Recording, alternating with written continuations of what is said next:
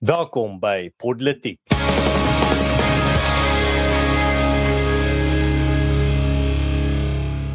Ons sê goeienaand dames en here. Erns in die wêreld is dit nou 5uur in Pretoria en ehm um, ons uh, begin graag met 'n lekker episode Podletiek storie vir die jaar.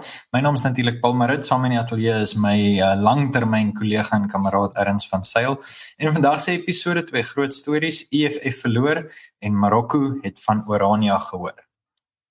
Ja, Paul, so ek dink die eerste storie waarmee ons gaan begin, ons gaan gewoonlik uh, eers oor na die internasionale stories aan die einde, maar ek dink hierdie is nogal 'n storie wat vandag vir sosiale media aan die gons gekry het en ek dink is 'n lekker storie om mee te begin aangesien dit nogal 'n unieke paar hoeke aan hom het en ek hoor ek hoor graag wat jy daarvan dink en dit is dat uh, blykbaar het 'n uh, ander Afrika land baie ver van ons af, Marokko gehoor al van Orania, 'n baie klein piep klein dorpie daar in die middel van die Karoo. Nou het jy enige idee hoe dit gebeur het?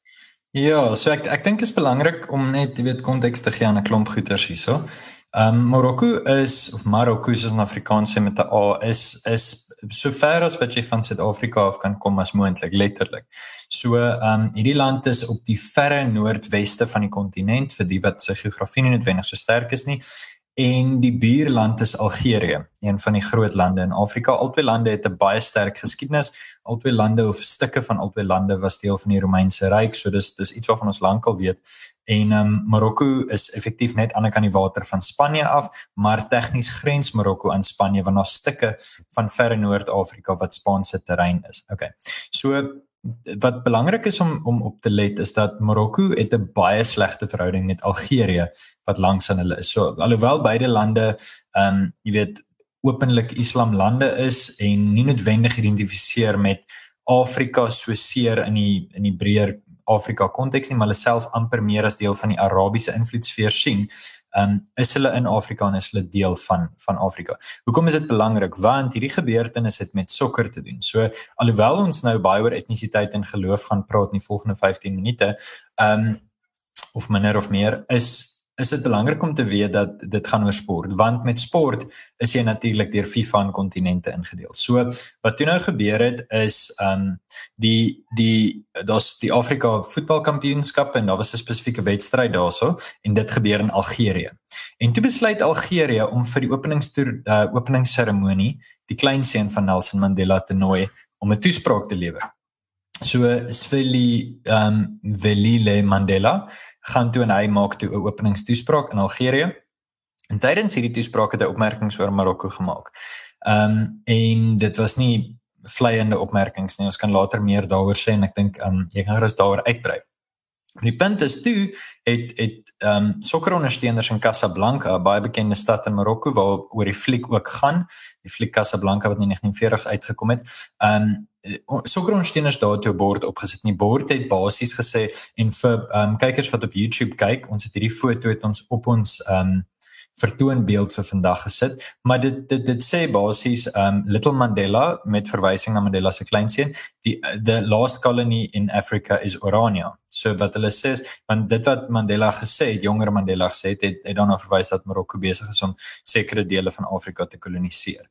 En so nie net so hulle het op 'n manier gedink hulle gaan hom terugkry deur te sê wel luister, jy kry jou eie saak in orde en bedoelende in jou eie land is daar nog 'n kolonie. Nou Ehm um, so ek ek dink dit in terme net van van konteks. Ek gaan vinnig net bietjie my eie persoonlike reaksie gee en so bietjie galbraak hier en dan wil ek natuurlik graag jou reaksie hoor alhoewel ek ek dink ons voel dalk dieselfde of jy voel self sterker as ek. Ehm um, ek neem ontsettend aanstoot uh, na hierdie verwysing. Ehm um, daar is in die wêreld is daar iets wat bekend staan as staatlose volke. En dit beteken 'n groep mense wat dieselfde taal praat, dieselfde kultuur het en nie pertinent hulle eie staat het nie. Dit is nie noodwendig 'n massiewe krisis nie, dis redelik algemeen, maar dit is altyd vir daai volke 'n probleem. Wat ek bedoel met dis nie 'n massiewe krisis nie, is dis 'n situasie wat gereeld voorkom. Die mees bekende staatlose volk en die grootste een is die Koerde, want uh Churchill het bestaan en besluit toe die Ottomaanse Ryk uitmekaar uitval, hierdie groep mense gaan nie 'n land kry nie. So hulle is ingedeel tussen Turkye en Sirië en Irak en so en okay. Ehm um, dis 'n algemene konsep. En wanneer so 'n groep dan besluit om heeltemal in lyn met hulle grondwetlike regte, ehm um, jy weet selfbeskikking te pleeg en met hulle eie finansiële middele grond te koop waar niemand gewoon het nie, water te gebruik wat absoluut niemand in enige gevaar stel nie en letterlik net hulle eie kultuur in die lewe wil hou omdat hulle aktief uitgestoot word deur die wetgewing van 'n ander land wat toevallig 'n land is waar hulle ook 'n meerderheid waar die meerderheid van hulle eie mense woon in 'n land waar hulle 'n sterk en ryk geskiedenis het en waar hulle taal ontstaan het dan wil ek graag weet hoe op aarde dit 'n kolonie is. Hoe is dit dieselfde as België wat inkom en hulle slawe vat? Want as as as jy dink is dieselfde as jy gewoon stupid. Ehm um, en ek dink die die Afrikaner is so 'n fenomeen dat die wêreld dit nie kan verstaan nie. Ons is van Afrika af, maar ons is wit. Ons praat 'n taal wat so bietjie klink soos Duits en Nederlands.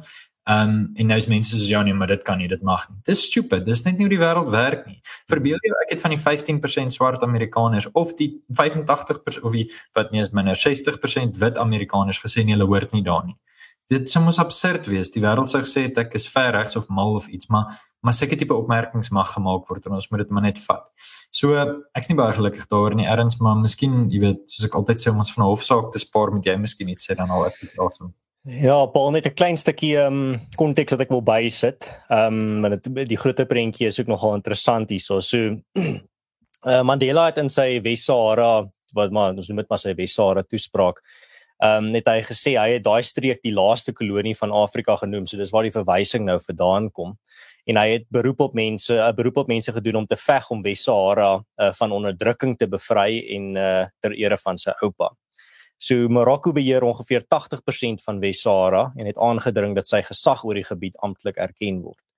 Ehm um, die ding nou van wat die uh, uh Casablanca ondersteuners gedoen het is hulle het hom net Mandela se aanhaling gevat en dit baie swak omgedraai so en eintlik maar hulle onkunde bewys oor wat uh, Urania reg is en wat die konsep van kolonialisme is. Jy het nou dit mooi verduidelik, maar ook daar, daar buite sit van wat se eintlik maar om aan te sluit by wat jy gesê het van ehm, 'n um, staatlose land. Van wat se staat is Urania 'n kolonie? 'n Kolonie het 'n baie spesifieke definisie en 'n kolonie stuur hulpbronne en uh, na 'n spesifieke moederstaat toe. Hulle hulle werk invloed uit namens 'n uh, sekere moederstaat, maar 'n kolonie self is nie gewoonlik 'n staat op sy eie nie. Hulle is 'n satellietstaat van 'n groter geheel. En dit sluit aan by wat jy gesê het, Paul. Die Afrikaner gevalle studie is so vreemd en so uniek dat die die westerse wêreld weet nie regtig wat om daarmee te doen nie. Hulle weet nie hoe om ons in 'n boksie te sit nie. En nou sit hulle ons maar nou baie lomp in 'n boksie wat glad nie vir ons pas nie. En onge, ongelukkik het uh, baie van ons uh, kontinentsgenote, as ek dit nou maar dit kan noem, so geangliseer en so geverwesters dat hulle net so lyk like my uh heeltemal verward is oor wat die Afrikaner is. Dis maar die vreemdste ding is dat selfs Afrikaner so verwesters is dat hulle kan nie die Afrikaner verstaan nie. Dit is my die grootste paradoks en die grootste ironie van hierdie hele storie. Nou, net om bietjie iets daar buite las, die, dit kom terug by soos 'n kwessie soos Afrikaans ook. 'n Taal wat hulle sê is 'n 'n Europese taal, dit is 'n uitheemse taal. En altyd ek vra ons altyd die vraag, as as Afrikaans nie 'n inheemse taal tot Suid-Afrika of Suidelike Afrika is nie, waar is dit inheems tot? Dit kom terug by daai vraag, as Urania nie 'n uh, uh, bevolk is deur mense wat 'n uh, 'n kultuur op hulle eie is nie, tot waar is die Uraniërs dan inheems? Tot waar wie is hulle nasie wat hulle 'n kolonie van is as hulle hierdie kolonie is? En dit is vir my ongelukkig 'n baie groot ehm um, eintlik maar 'n 'n 'n vernedering vir diegene wat so vir Urania aanval. Want as jy kyk na alles wat hulle van Urania en van die Afrikaners sê bewys net dat hulle glad nie die Afrikaner of Urania verstaan nie. En dit is nie dit is nie net ek wat wat sê ag julle verstaan nie julle. Dit is dit is iets wat as jy regtig net eerlikwaar met die onderwerp van die Afrikaner se geskiedenis of die onderwerp van Urania as jy dit eerlik benader en met 'n met goeie uh intensies dit benader en regtig probeer verstaan wat eerstens wat Urania probeer regkry en tweedens wat die hoe en die Afrikaner probeer verstaan ons is ook mense. Dit is daai hele ding van Ehm um, ons is seker die een van die groepe in Suid-Afrika wat in die moderne of in die nuwe Suid-Afrika die meeste onmenslik word. Ons mag nie ons eie ons mag nie menslik wees nie. Ons mag ook nie ons eie redes hê vir wat ons doen nie. Ons mag ook nie goed en sleg hê nie. Ons mag net sleg wees. Ons mag net boos wees. Alles wat ons doen is maar net omdat ons in die oggend wakker word en ons word rassisties wakker. Ons word boos wakker. Ons word sleg wakker dit is hoekom alles wat ons doen. So as Ernst Roots iets sê, dan is dit omdat hy 'n is geheime rassis is. As ehm um, as uh, as uh, Andre de Ruyter 'n sekere besluit maak, is dit omdat hy swart mense haat. dit is altyd dit is die die gevolgtrekkings wat in ons gesig gedruk word elke dag van mense wat baie meer mag as ek en jy het, Paul, maar wat probeer maak asof hulle in die die onderdrukkers posisie is. Dit is miskien om af te sluit, die vreemdste ding is as hulle praat van eh, die die hele onderdrukker storie is al lank al oud, maar dit is die vreemdste storie waar as as jy 'n uh, 'n uh, bevolkingsgroep is wat daar meer as 100 wette is wat teen jou diskrimineer waar 'n hof sê die howe sê dat hoë profiel politici mag sing oor jou brutale moord dan is jy die onderdrukker. Nou dit is die snaakste en mees uh, kopbrekende geval van 'n onderdrukker. Ek kan nie verstaan hoe dit werk nie maar dit dis dit is lyk like my die definisie. So ek dink daai wat jy gesê het is baie belangrik van as dit kom by wat Urania is en die geskiedenis van die Afrikaner en waar hy vandag is as 'n klein nasie, maar 'n klein nasie soos Milan Kundera die check skrywer dit bedoel het nie kwa, uh, kwantitatief eh, 'n uh, klein nasie nie, maar 'n klein nasie in die sin dat jy het nie jou eie land nie, jy het nie jy het nie die jy het nie daai gevoel van 'n 'n versekerde toekoms nie. Elke dag is daar 'n 'n 'n vraagteken bo jou bestaan. Elke dag moet jy wonder of daar oor 100 jaar nog van jou mense gaan wees dit is maar nog altyd die eeue oue storie van die die magtige nasies wat net arrogant is teenoor die kleiner nasies en wat glad nie kan verstaan hoe dit voel om eksistensieel bedreig te word nie want elke Zulu wat jy vra of elke uh, Brit wat jy vra of elke Duitser wat jy vra of elke Amerikaner wat jy vra gaan dan nog in 'n 1000 jaar Amerikaners of Britte of uh, Duitsers of Russe wees gaan hulle nie eens huiwer om vir jou te sê ja nie dis die ja. verskil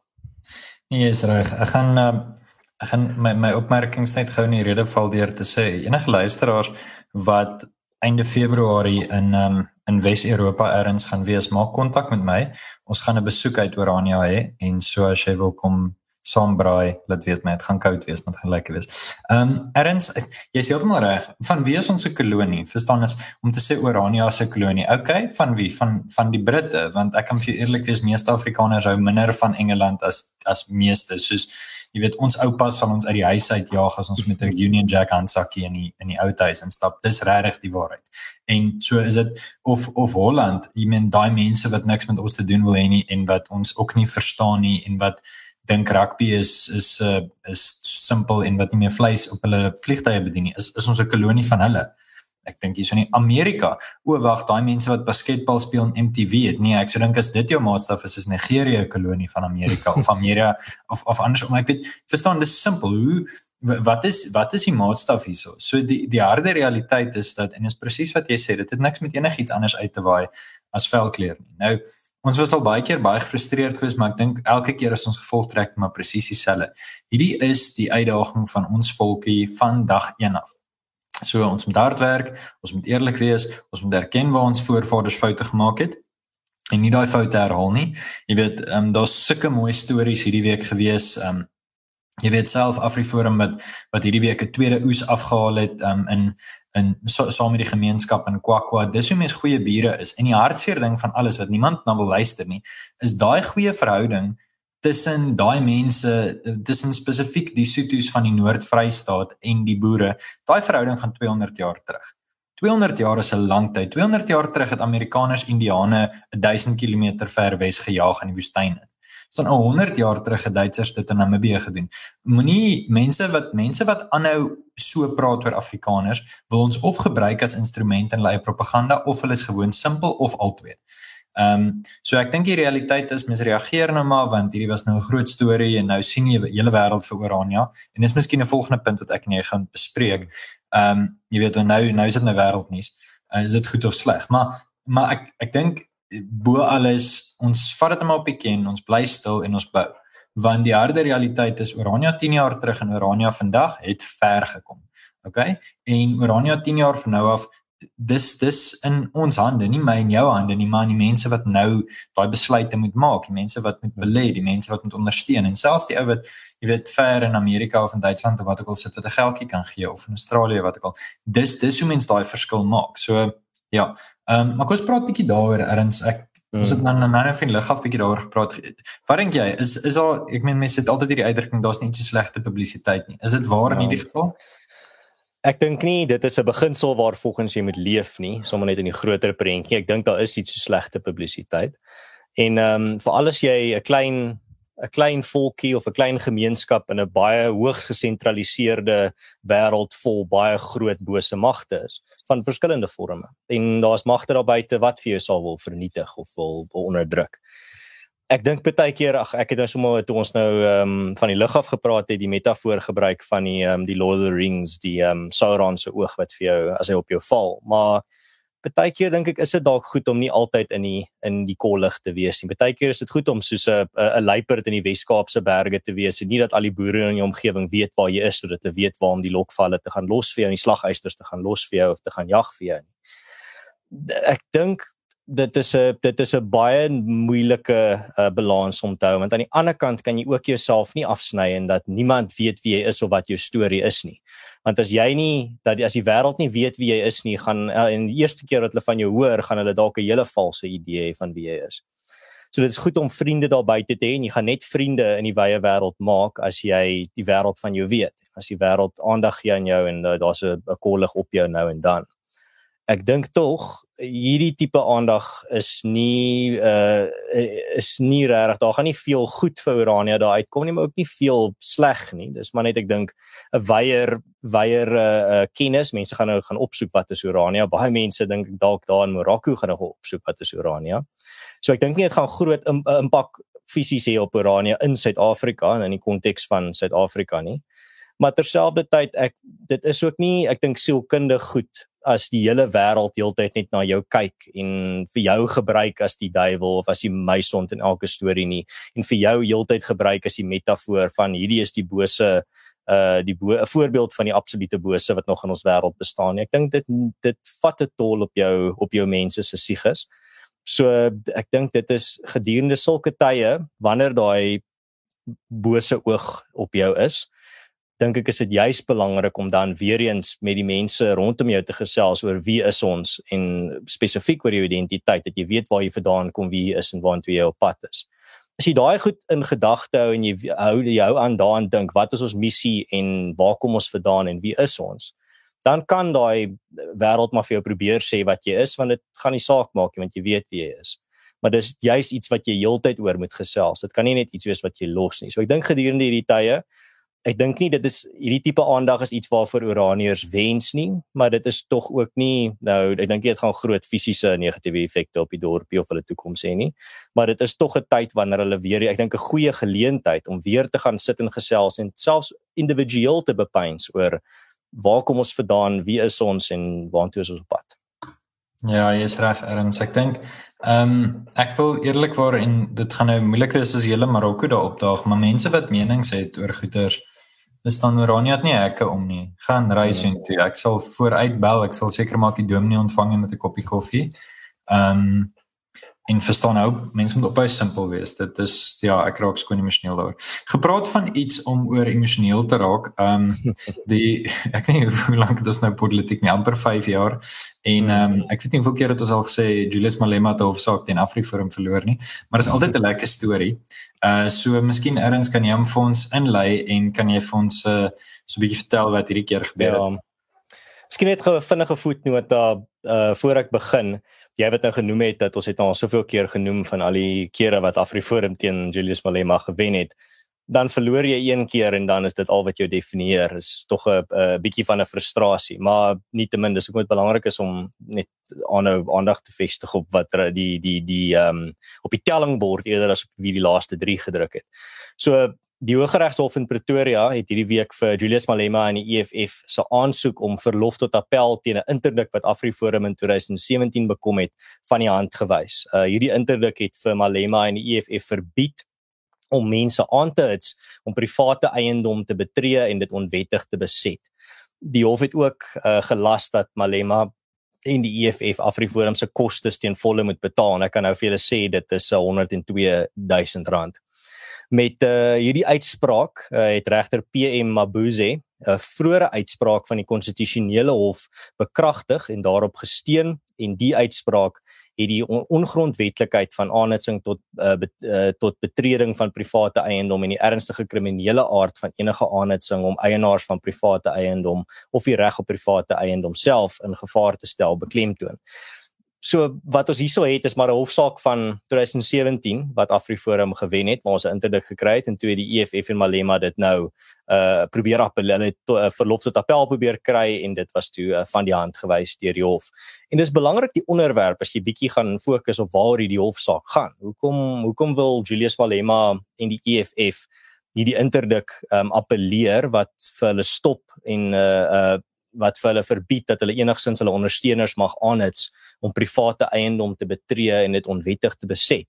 Dis eintlik die vraag wat ek wil hê mense moet vra hier. So ek bedoel dit is 'n lekker wen. Ek's bly om uh, hierdie wen te kan verkondig vir die wêreld.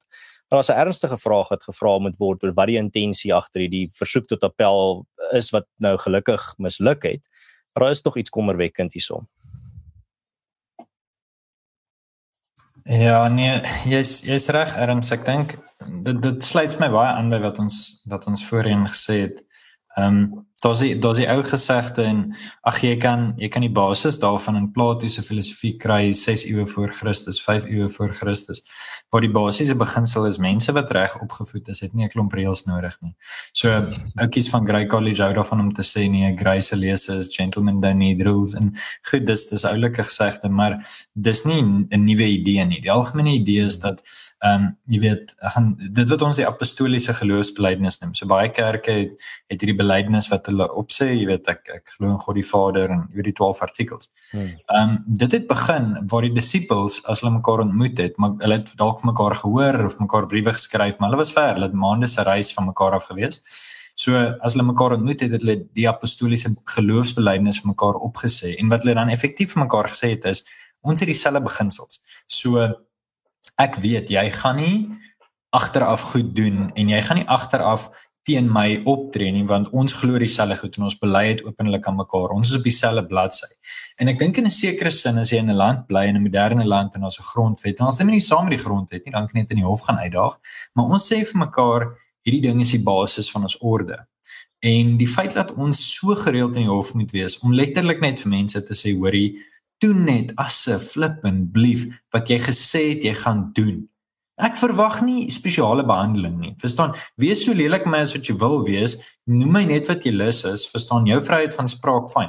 Maar die oomblik wat jy geweld aanhits en dit dan fisies gaan pleeg wat ons sien gebeur. Jy goeie genigtig, dit kan mos nie reg wees nie. En en dis dis so, jy weet dis dis dis ontsettend tragies dat mense net nie verby die punt kan kom nie. En die hartseer van dit alles is jy gaan kyk wat sit agter dit. En jy weet ek dink hoe ouer ek word, hoe meer besef ek al wat ooit in die wêreld saak maak is mag en geld vir baie van jy weet vir baie mense. En dis dis al wat hulle soek. Hulle hy verloor steen want mense besef die EFF het nie 'n plan nie. So nou is dit soos wat gaan ons doen? Maar kos maak mense kwaad en dan ons skep 'n krisis, dan gaan hulle vir ons stem. En dan doen hulle dit. En dan skep hulle 'n krisis. Dan hulle jy het nie grond nie. Ja, okay, fyn. Jy weet, my oupa grootjies was predikante. My familie het al vir eeue nie grond nie. Ek brand nie mense se goed af daaroor nie. Ehm, um, maar okay. So ja, dit is ehm um, dis diep teleurstellend. Ehm um, maar ek is bevrees. Ek dink dis die laaste keer wat ons hierdie gesprek gaan hê nie, Erns. Hm. Paul net 'n laaste ding wat ek wil bylas daarso. Ehm, um, maar dis meer groter prentjie en dit is ek ek kyk net sommer toe jy nou gepraat het van ehm um, Uh, ons vra net vir basiese regte en ons vra net om soos mense gehanteer te word of ons wil vra eintlik maar net om gehanteer te word soos wat ehm um, uh daar beloof ons ons hanteer sal word. Maar daar is tog iets wat saam met dit gaan en dit dit kom van Afrikaners se kant af spesifiek, maar enigiemand wat hierdie tipe net 'n uh, wetteloosheid teenstaan en dit is ons moet weer morele taal leer gebruik. Nou dit is iets wat ek weet nie wanneer dit verlore gegaan het nie, maar veral ook as Christene, ons gebruik nie meer morele taal nie waar ons ons oordeel nie meer mense in groepe waar ons sê maar wat julle hierso doen en aanits is verkeerd, immoreel en is sondig. Ons doen nie meer dit nie. Ons is nou baie meer versigtig en sê maar ag, jy kan maar sê wat jy wil. Ek stem nie saam nie, maar dis alraai. Kom ons stem maar saam dat ons nie hoef saam te stem nie. Vir party goed is dit nie goed genoeg nie. As Julius Malema sing kill the boer, kill the farmer, dan gaan jy vir hom sê hierdie is immoreel en jy is 'n skurk en jy is besig om immorele en gewelddadige aksie aan te hits. Jy gaan nie vir hom sê asseblief stop dit. Ehm um, dis nou mos nie vriendelik nie. Jy sê vir hom jy's 'n boef. Jy's 'n jy's iemand wat besig is om uh, uh op te tree in 'n manier wat eintlik naby is aan 'n uh, demoniese besetenheid. Maar iemand wat baie goed hiermee was, is nogal snaaks genoeg die is Christopher Hitchens vir die die ateïs skrywer en ehm um, 'n groot ehm um, uh debatteerder was. Hy was baie goed met morele taal, maar om morele taal teen die Christendom te gebruik. Hy het die hy het die Christendom hewiglik en en uh uh van van baie hoog af eintlik moreel veroordeel. Nie net van ag julle wat julle doen is irrasioneel nie. Nee, hy het baie duidelik die sein gestuur die Christendom wat die Christendom doen is verkeerd of immoreel of uh maak mense seer of is besig om die wêreld slegter plek te maak. Maar dit is alles oorgedra in die taalgebruik wat hy gebruik het. Nou wat sy boodskap die die uh moraliteit van sy boodskap uh op sy gesit eers. Daai taalgebruik is wat ons weer as Afrikaners, as Christene, as net mense teen wetteloosheid weer moet leer. Daai morele taal van oordeel. Die Jesus sê nie jy moet nie oordeel nie. Die, die Jesus sê dat as jy jy moet nie oordeel behalwe as jy bereid is om geoordeel te ook te word nie. Dit is die volle gesegde. Nie net jy moet nooit oordeel nie. Dis nie waar nie. Dit is die gesegde in die helfte gesny. Jy mag oordeel, maar jy moet ook bereid wees om geoordeel te word. Maar ons moet weer begin oordeel. As iemand iets immoreel doen, moet jy dit immoreel noem. Nie net sê ag, daai was nie vriendelik nie of ek hou nie van dit nie. Nee, dit is verkeerd. Dit is immoreel en jy's 'n skurk en 'n boef om om omdat jy dit gedoen het en dit is ek dink iets wat ons bietjie moet aandink in in 2023. Ja, dankie Ernst. Ek dink uh, daai is baie mooi gesê. Ek kan niks verder wysheid toevoeg nie. Nou ja, uh liewe luisteraars, as familie etes by Buckingham Palace is hierdie episode ook vir eers verby. As jy hou van wat ons doen en uh, jy wil meer sien van wat ons doen, is jy welkom om ons te ondersteun. Uh, in ons YouTube skakel is daar 'n manier om ons te ondersteun. Volg ons ook op sosiale media, politiek self op Telegram of Twitter, Facebook of uh, jy kan ons persoonlik volg. Erns is baie aktief op sosiale media en ons gesels graag met julle. Tot volgende keer.